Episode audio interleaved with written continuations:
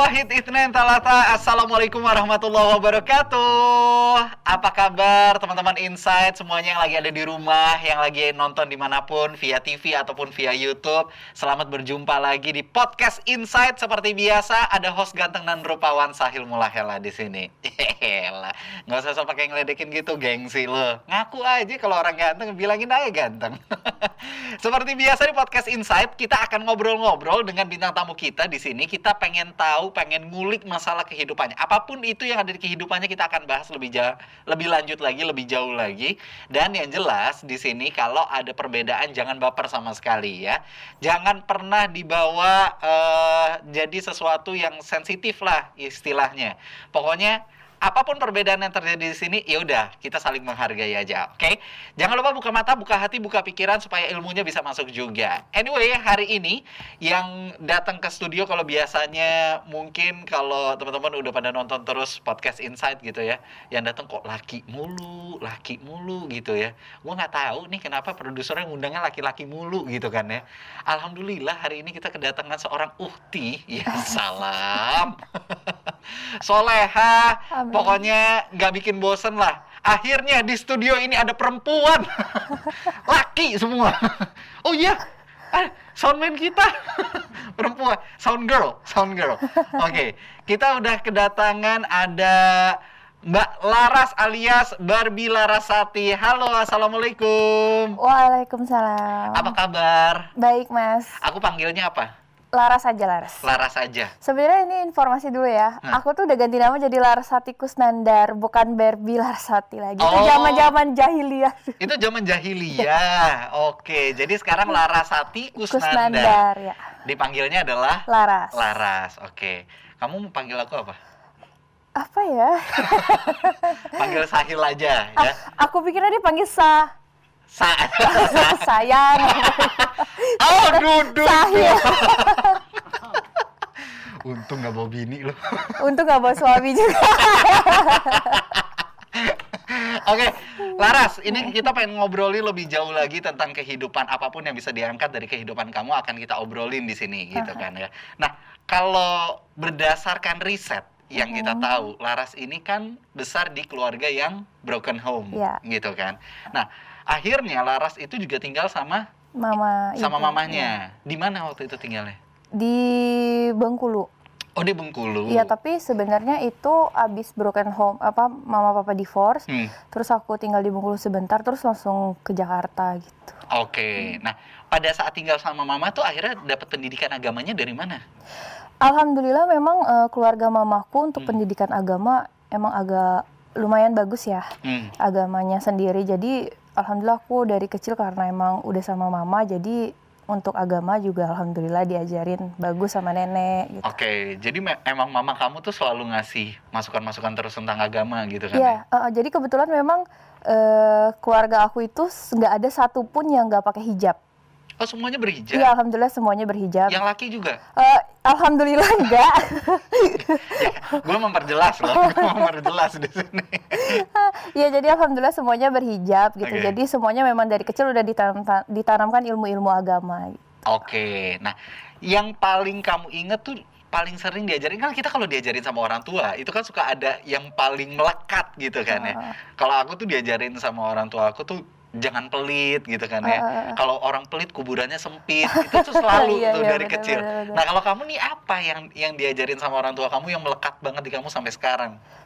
Uh, aku tuh ini kali ya kebersihan uh, sebagian. sebagian dari iman. Oke. Okay. Ya jadi kar- sampai sekarang aku tuh agak rada-rada OCD gitu loh anaknya. Uh, kita sama. Oh my god. Kita TV miring sedikit nggak bisa. Iya iya iya semua ya, kan? Jadi aku tuh kalau di rumah misalnya lagi duduk gitu, terus tempat tisu aku tuh kayak cuma miring beberapa milimeter. Aku kayak asli. Aduh, itu nggak bisa, itu nggak bisa sih. Terus udah gitu, kalau misalkan uh, apa namanya ada barang ditaruh nggak di tempatnya, itu itu risih banget gitu, bawaannya. Sama kan? satu lagi nih, aku misalnya kayak pergi sama teman aku mobil dia, ah. terus aku kebiasaan yang ngecilin volume itu harus genap terus dia kecilin ganjil aku kayak eh, kecilin lagi nggak ya? Aja gitu. Iya. Kan? Gitu bener-bener. Mulai kapan emang kamu menyadari OCD itu? Uh, beberapa tahun ini sih. Karena orang-orang di sekitarku tuh mulai risih gitu kan. Uh. Jadi kayak eh kayaknya lu berlebihan deh masalah kebersihan gitu. Okay. Maksudnya nggak gitu-gitu juga kali hmm. gitu. Lu lebay gitu. Kayak hmm. apa iya sih gitu. Emang itu kenapa gue bilang biasa aja dong, bagus dong. Enggak lu OCD. Itu penyakit jiwa kata teman-teman aku. Iya, emang itu penyakit. Sebenarnya uh, uh, itu kan itu kan penyakit kan. Jadi hmm. setelah gue uh, cari tahu juga oh, OCD itu ternyata memang penyakit. Uh. Tapi di satu sisi itu menguntungkan kita, yes. tapi di sisi lain ya memang memberatkan sih iya. akhirnya yeah. jadinya gitu. Jadi kan. pikirannya tuh kayak penuh gitu kan? Iya nggak percayaan sama iya, orang, iya, ini suruh bersihin sama orang, aduh nggak bisa. Kayaknya nggak deh, kayaknya belum belum bersih itu pasti gitu iya, kan? Iya, nyuci mobil di tempat cucian, ini kenapa jadi ngomongin OCD? Iya iya iya nanti lah itu Pasti Capricorn ya? Oh no, aku Leo. Oh Leo, iya. oke oke. Kamu apa? Capricorn. Oh oke. Okay. Nah ini kalau misalkan nggak salah juga nih ya, ini soalnya riset ini ini yeah. berdasarkan riset. Kalau nggak salah, Laras ini kan mulai karir sebagai seorang penonton bayaran. Yes. Awalnya dan juga akhirnya jadi penyanyi dangdut, yeah. terus uh, akhirnya sampai seperti saat ini gitu kan. Terus itu dapat riset di mana Mas? Eh. Dapat itu penonton bayaran. eh, dulu gimana ceritanya kok bisa tiba-tiba kepikiran mau jadi penonton bayaran? Nah, ini kalau misalkan nggak salah juga nih ya, ini soalnya riset ini ini iya. berdasarkan riset. Kalau nggak salah, Laras ini kan mulai karir sebagai seorang penonton bayaran. Yes. Awalnya dan juga akhirnya jadi penyanyi dangdut, yeah. terus uh, akhirnya sampai seperti saat ini gitu kan. Terus itu dapat riset di mana Mas? Eh. Dapat itu penonton bayaran. Eh, dulu gimana ceritanya kok bisa tiba-tiba kepikiran mau jadi penonton bayaran? Sebenarnya tuh nggak kepikiran sih, nggak hmm. pernah kayak oh nanti gue pengen jadi penonton bayaran gitu nggak. Cuman memang aku itu anaknya suka tampil ya, hmm. kayak banci tampil banget gitu. Hmm. Ikut fashion show, ikut apa, pokoknya yang tampil-tampil gitu aku ikut lah lomba-lomba gitu. Hmm. Nah terus udah gitu, aku tuh suka nonton TV kayak eh bagus kali ya kalau tampil di TV gitu kan hmm. ditonton orang hmm. gitu cuman nggak tahu nih gimana ya caranya buat masuk TV gitu yeah, kan yeah, yeah. akhirnya sempat lah ikut-ikut casting huh? bu yang casting itu nggak keterima malah ketemu sama agensi-agensi bilang kamu mau nggak gitu nanti uh, masuk TV gitu huh? nanti jadi penonton tapi penonton yang di make upin katanya gitu okay aku pikir iya nggak apa-apa sih asal masuk TV aku gitu hmm, mikirnya. Ya udah akhirnya aku ikut. Udah chat lah orang tua aku kan bilang ya aku mau masuk TV mau masuk TV karena kan berasa udah di make up segala macam. Hmm. terus orang tua aku bilang kapan masuk TV-nya kamu tidak ada. Aja kayak gitu. Ternyata aku cuma cuma jadi penonton bayaran iya, doang. Iya iya, iya. kan? Oh, oh, oh. terus akhirnya gimana begitu kamu pertama kali ngerasain jadi penonton bayaran Ya karena aku suka tampil jadi aku happy-happy aja ya. Ya kan gak tampil tapinya. Tapi menurut aku tampil kan penonton bayaran yang duduk di tengah yang di make upin bukan yang lalala ye ye ye, ye gitu loh. Atau nggak okay. sih iya, acara iya, iya, gitu? Iya, iya. iya uh -uh. Nah terus ngapain ada adegan atau? Nggak ada. Nggak ada. Jadi kalau misalnya pas mau commercial break, uh. Uh, kameranya ke seng gitu loh, kayak oh. berapa sek? Eh kemudian ya Allah, kayaknya gua semangat banget cerita itu. berapa second doang lah pokoknya. Oke. Okay. Uh, jadi beberapa second aja tapi itu udah bisa bikin happy ya iya happy aku karena menurut aku ya satu apa ya satu kemajuan lah yang tadinya nggak hmm. masuk TV sama sekali ada lah masuk TV-nya gitu. Nah, itu dia. Makanya jangan pernah bilang seseorang itu dengan kata-kata norak karena kadar kebahagiaan seseorang itu berbeda-beda. Hanya beberapa second aja udah bisa bikin Laras akhirnya bahagia, bahagia. gitu kan. Merasa bahagia kan. Uh -uh. Terus akhirnya bisa jadi penyanyi dangdut gimana ceritanya? Ah itu itu jadi sebenarnya juga salah satunya dari penonton bayaran itu sih. Uh. Jadi kan aku jadi penonton bayaran itu. Makanya kalau kita kerjanya tuh ikhlas aja, uh. Tuhan tuh kasih lebih gitu kan. Uh. Karena aku jadi penonton bayaran nggak merasa kayak ya aku cuma jadi penonton bayaran ya ternyata uh. gitu nggak. Aku ngerasa kayak seneng. Terus ternyata aku ketemu sama uh, seseorang uh, namanya Kak Indra dulu. Uh. Nah dia ini punya kakak baru bikin apa namanya label musik. Okay. Uh, label musik baru. Nah dia butuh satu artis buat dijadiin masuk ke label dia itu dong hmm, gitu. Hmm. Nah dia menawarkan aku dari situ awal mulanya. Kok bisa tiba-tiba kamu yang ditawarin? Karena aku tuh kayak orangnya ceria dan hobi nyanyi gitu kayak oh. eh kamu mau gak sih ah, coba gitu. Oh coba, mau. Coba nyanyi sedikit balonku. Uh, balonku. gak cicak-cicak di dinding aja sekalian. Ah, boleh boleh coba coba. ah gak usah lah gak usah lah. Itu udah masa lalu ya. Oh, itu udah masa iya. lalu. Yeah. Oke. Okay. Nah, terus akhirnya bisa bisa dapetin gelar Barbie itu dari mana? Ah itu dia. Jadi uh, udah gitu kan aku dulu tuh gimana ya ceritanya kok aku lupa ya oh ya manajer aku juga manajer aku Ah. bilang kayak "Eh, dulu kan ada yang pusing pala Barbie pusing pala Iya, Barbie iya, gitu iya, kan iya, iya, iya. nah aku tuh suka kayak aduh pusing deh gue gitu terus kayak Ah. lu kayak pusing pala Barbie eh nama lu Barbie aja gitu buat jadi penyanyi dangdut oh oke oke kayak gitu ikut aja gitu jadi aja untuk untuk nama on airnya pakai Barbie Larasati Hmm, waktu itu. no Barbie Gochan Oh Barbie Go. lebih Jauh lebih ya. om lagi ya Gochan tuh apa Gocan tuh apa? goyang cantik Oh, judul lagunya. Eh, enggak bukan jadi ceritanya dulu ya jadi bahas itu nggak apa lah ya Hah. aku kan disetting sama seseorang yang punya hubungan sama gotik Zaskia gotik Oke. nah manajerku bilang oh kalau dia gotik berarti kamu gocan gitu Oh, penting banget Satu goyang itik, satu goyang cantik Iya, gitu. iya, Oke, iya. oke, oke, oke. Cukup berat ya persaingannya. gitu doang nggak penting Nah, terus kan akhirnya waktu itu penampilan berubah dong secara drastis ya kan pada saat menjadi penyanyi dangdut. Terus ibu kamu komentar apa waktu itu? agak sedikit kaget sih jujur Hmm. dari keluarga kayak oh kok begitu gitu kan Hmm. agak terlalu seksi yang Sedangkan gimana yang lainnya berhijab Mm, mm, gitu mm. kan. Cuman aku karena kayak ini cita-cita ini Hmm, kan my hmm. dreams come true jadi kayak ya udah agak em, ya agak membangkang keluarga lah Ya sedikit udah biarin aku dulu lah. iya gitu berkarya iya kan, gitu ya. jadi aku nggak agak sedikit nggak mendengarkan orang tua aku pada saat itu Tapi sempat akhirnya dijauhin nggak sama keluarga? Mhm. Oh ya? iya apalagi setelah aku nyanyi dangdut kan aku jadi DJ kan Oh gitu. iya iya Wow. Terus gimana kamu waktu dijauhin sama keluarga? Sedih sih. Eh Bikin, enggak enggak enggak. bikin keluarga baru atau gimana? maunya gitu. Tapi enggak dulu eh, pada saat itu awalnya nggak sedih. Hmm. karena gejolak jiwa muda ya Oh, gejolak kaula muda, yo. terus agak sedikit star syndrome Iya kan? Pastilah, Iya, pastilah. karena ngerasa kayak eh, dulu gue yang nggak bisa dapetin ini, terus gue dapetin. Hmm. Kenapa eh, orang-orang nggak terima gitu kan? Dan ngelarang gue. Iya, kenapa harus gue. ngelarang gue? Ini kan cita-cita gue gitu. Semua orang berhak untuk memilih hidupnya. Nah di situ aku nggak ngerasa sedih sih awalnya. Hmm. Tapi ya lama-lama ada satu kejadian yang membuat aku akhirnya oh iya ternyata nggak bisa nih gitu. Hmm, oke. Tahan dulu sampai situ Mm-mm. nanti ceritain tuh baru ke situ. Iya. Cuman tadi pas Tahu Lara, makanya nanti kan. cuma tadi San, Lara sempat ngomong bahwa Lara setelah dari penyanyi dangdut akhirnya jadi DJ. Ini kayaknya semua ranah pekerjaan dicobain nih. Emberan Ini lah. lama nge-host di sini juga nih. Amin tolong ya kalau Aman amin aja. Lah gua gimana?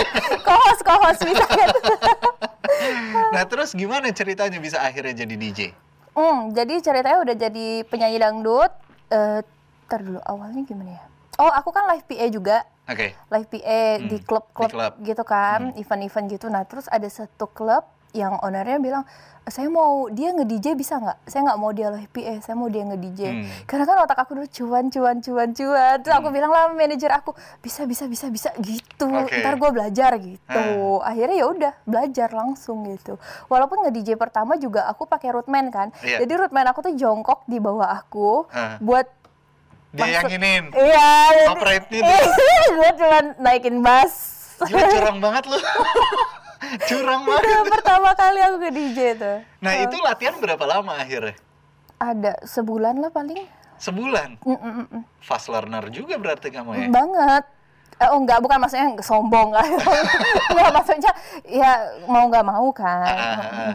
Nah, terus akhirnya begitu kamu, jadi trigger awal kamu untuk main DJ itu karena ada ajakan. Iya, Jadi akhirnya kamu terjun langsung ke situ Mm-mm. dan nyaman. nyaman, nyaman banget. Karena gini, nge-DJ itu enaknya kan kerjanya cuma satu jam, paling Hmm. lama dua jam. Hmm. Honornya lumayan. Hmm. terus masih muda kan happy gitu Iya, dulu iya. kan Ah. pikirannya gitu jadi kayak pada saat itu sih terjebak di sana sih Oke. Nah, antara tiga pilihan nih. Mm-mm. Antara kamu jadi penonton bayaran, antara kamu jadi penyanyi ataupun kamu jadi seorang DJ. Heeh. Sebenarnya kamu paling nyaman yang mana? Terus akhirnya begitu kamu, jadi trigger awal kamu untuk main DJ itu karena ada ajakan. iya Jadi akhirnya kamu terjun langsung ke situ Mm-mm. dan nyaman. nyaman nyaman banget karena gini nge-DJ itu enaknya kan kerjanya cuma satu jam paling Hmm. lama dua jam Hmm. honornya lumayan Hmm. terus masih muda kan, happy gitu yeah, dulu yeah. kan uh. pikirannya gitu. Jadi kayak pada saat itu sih terjebak di sana sih. Oke. Okay. Nah, antara tiga pilihan nih. Mm -mm. Antara kamu jadi penonton bayaran, mm -mm. antara kamu jadi penyanyi ataupun kamu jadi seorang DJ. Mm -mm. Sebenarnya kamu paling nyaman yang mana? Um, kalau dulu ya, uh. kalau dulu sih sebenarnya nge DJ sih. Nge DJ. Iya. Kalau sekarang? Kalau sekarang aku nyaman main sinetron sih. Oh sekarang main sinetron? Iya FTV sinetron. Oke gitu. oke oh, oke. Oh, oh. Tuh kan semua kan, semua bidang kerjaan diembat loh. Gue ngeri loh. Karena aku gak khas juga. Di mana? Ada nanti nonton ya YouTube channel aku. Jadi balik Tuh, ke kan? Tuh di YouTube. Iya aku nge-host juga sebelum di YouTube aku nge-host di stasiun televisi juga okay. reality show gitu. Wow luar biasa. Oke okay, oke. Okay. Hmm. Nah kalau boleh tahu juga pada saat waktu itu pada saat menjadi seorang penyanyi DJ dan segala macemnya sebenarnya ada tujuan yang pengen kamu capai nggak sih? Atau tujuannya tuh siapa gitu loh? Uh, kalau mungkin pada saat itu karena masih muda, hmm. terus udah gitu, ya itu tadi aja. Aku senang tampil gitu. Jadi hmm. segala sesuatu yang bersifat menampilkan diriku, hmm. aku suka gitu. Jadi orang bisa nonton aku, bisa menikmati karya aku, hmm. aku suka aja gitu. Cuma memang aku sih sempat berpikir kayak apa ya yang harus gue fokusin yang mana ya kayak hmm. gitu kan. Hmm. Tapi ya menurut aku semuanya selagi bisa aku jalanin, hmm. selagi ada hasilnya hmm. jadi aku jalanin pada saat itu gitu oke okay. nah pernah ngalamin ada pengalaman buruk yang akhirnya nggak bisa kamu lupain nggak pada saat itu? Hmm, pada saat kerja. Dikejar anjing mungkin. Itu mah zaman SD, oh, zaman SD. apa ya pada saat kerja pengalaman buruk banget sih kayaknya nggak terlalu ya. Ya atau menjadi DJ kan konotasinya kalau ada perempuan menjadi DJ ngeklub dan segala macamnya itu kan biasanya suka dapat stigma negatif dari orang-orang oh, iya. gitu kan. Itu itu udah pasti gitu. Uh. Memang awalnya agak sedih, hmm. tapi lama-lama terbiasa. Okay. Iya kan? Uh. Sama kayak misalnya kalau dulu pulang nge DJ di apartemen, hmm. misalnya mau naik di lift ketemu sama ibu-ibu, pasti tatapannya kayak ngapain sih ini orang gitu eh, kan pakai baju kayak gitu jam 2 malam gitu kan pasti uh, dulu kayak terus nanggepinnya gimana waktu itu gitu juga julid balas julid ya Terus akhirnya berantem gak sama ibu? Enggak lah, enggak, enggak, enggak. Nanggapinnya kayak, ya udahlah bu, lu kan nggak tahu gue ngapain gitu. Iya, iya, iya. Padahal juga bukan bener-bener, ini bukannya aku maksud menyinggung para DJ ya, ah, ah maksudnya. Ah, ah. Ya konotasinya kan beda lah ya kalau Iya pasti. Uh. Jadi dari dulu tuh nggak pernah terpikir suatu saat nanti kamu akan jadi ibu, ibu misalkan kamu ikutan ibu-ibu PKK gitu. Uh, iyalah, ada lah. Maksudnya suatu saat bakal menikah gitu pasti. Uh, uh, uh. Waktu itu terpikir lah kayak gitu. Jadi waktu itu jadi DJ selama berapa lama? Hmm, berapa ya? Setahun setengah, dua tahun mungkin. Oh nggak lama? Nggak lama, nggak lama. Nggak lama. Okay. Uh, uh. Kalau penyanyi dangdut? Ya, ge berurutan aja gitu loh. Aku lupa sih berapa lamanya gitu. Oke. Okay. Ya, ya, ya, ya. Nah, akhirnya kan waktu itu berarti duniawinya bisa dibilang cukup tercapai lah. Iya duniawi banget sih. Iya duniawi banget kan. Oh. Apa yang kamu cita-citakan itu kesampaian. Mm -mm. Kamu pengen tampil, kamu dapat itu semua. Kamu jadi penonton bayaran, kamu jadi penyanyi dangdut, terus juga kamu menjadi seorang DJ. Tapi akhirnya, alhamdulillah sekarang Laras ini kan bisa dibilang hijrah. Amin. Ya kan? Ya. Ke jalan yang lebih baik gitu. Apa yang akhirnya men-trigger Laras sendiri nih untuk hijrah gitu loh? Jadi sebenarnya kan jadi uh, pekerjaan itu kan capek ya Oke, ini udah mulai serius. Serius. Perhatiin ya, baik-baik ya. Jadi pekerjaanku itu kan capek ya nge-DJ uh, itu. Uh. Uh, terus aku kan waktu itu juga sempat main sinetron tapi hmm. bukan pemeran utama gitu. Hmm. Terus ada bintang tamu di acara pagi-pagi gitu. Jadi itu bener-bener padet gitu hmm. kan. Hmm. Pekerjaannya padet. Terus aku nggak bohong dulu aku minum alkohol kan. Hmm. Jadi kayak uh, kadang baper kan. Yeah. Karena kalau udah terlalu capek jadi kayak apa sih yang gue cari di dunia ini gitu hmm. dapat duit uh, senang-senang hmm. kerja dapat duit senang-senang kerja dapat duit senang-senang hmm. sampai mana ya hidup gue gitu sempat sering okay. terpikir kayak gitu kalau misalnya lagi libur hmm. lagi di rumah aja gitu kan kayaknya nggak happy juga ya gitu hmm. kayaknya semua udah gue dapat menurut aku ya gitu hmm. semua udah gue dapat tapi gue juga nggak ngerasa bahagia, bahagia rasanya hampa-hampa aja tuh kayak gini-gini uh. aja. Terus aku pikir apa ya, kenapa ya gitu. ya udah gitu aja cuma aku berpikir kayak capek juga kali ya pakai pakaian yang terbuka gini hmm. gitu pengen gitu kan lihat-lihat orang pakai hijab kayaknya bagus gitu itu udah kepikiran udah lama nah terus udah gitu sempet lah keluarga aku ini eh enggak aku dulu aku pulang ke Bengkulu hmm. dengan pakaian yang agak wow gitu kan oh jadi belah belah belah belah gitulah pokoknya ternyata semua keluarga aku ini uh, nggak terima tapi nggak ngomongnya depan aku ngomongnya okay. ke mamaku tapi aku yang ada berantem pada saat itu ke hmm. tante-tante aku aku bilang kenapa aku bilang gitu di Jakarta pakainya kayak gitu aku bilang gitu hmm. kalian aja yang norak, norak. pakai syari gitu yeah, aku yeah. jawabnya kayak gitu waktu itu terus udah gitu udah uh, terus keluarga besar hmm. nenek semua sampai cucu-cucu itu per, mau pergi umroh hmm. daftar aku ikutan daftar umroh. Hmm. Nah, pas udah mau deket-deket hari, mama aku bilang, kayaknya kamu gak usah pergi dulu deh, katanya kayak gitu. Aku bilang, kenapa? Aku bilang kayak gitu. Soalnya tante kamu bilang kalau kamu ikut, dia nggak mau ikut, katanya kayak gitu. Hah? Mereka nggak ikut. Aku kayak, pertama marah. Jadi ini keluarga besar yang mau umroh? Iya, semuanya. Oke. Okay. Ya, aku aku yakin dan aku tuh sering banget pada saat zaman hijrah yang awal-awal itu hati itu merasa kayak gunda gulana kayak sakit gitu. Sampai aku tuh kayak berzikir kayak astagfirullahaladzim astagfirullahaladzim ya Allah. Apa yang bikin sakit itu kenapa? Aku juga nggak tahu kayak hati aku tuh tiba-tiba sakit aja aku nggak ngerti kenapa. Talata Ithnan Wahid. Wassalamualaikum warahmatullahi wabarakatuh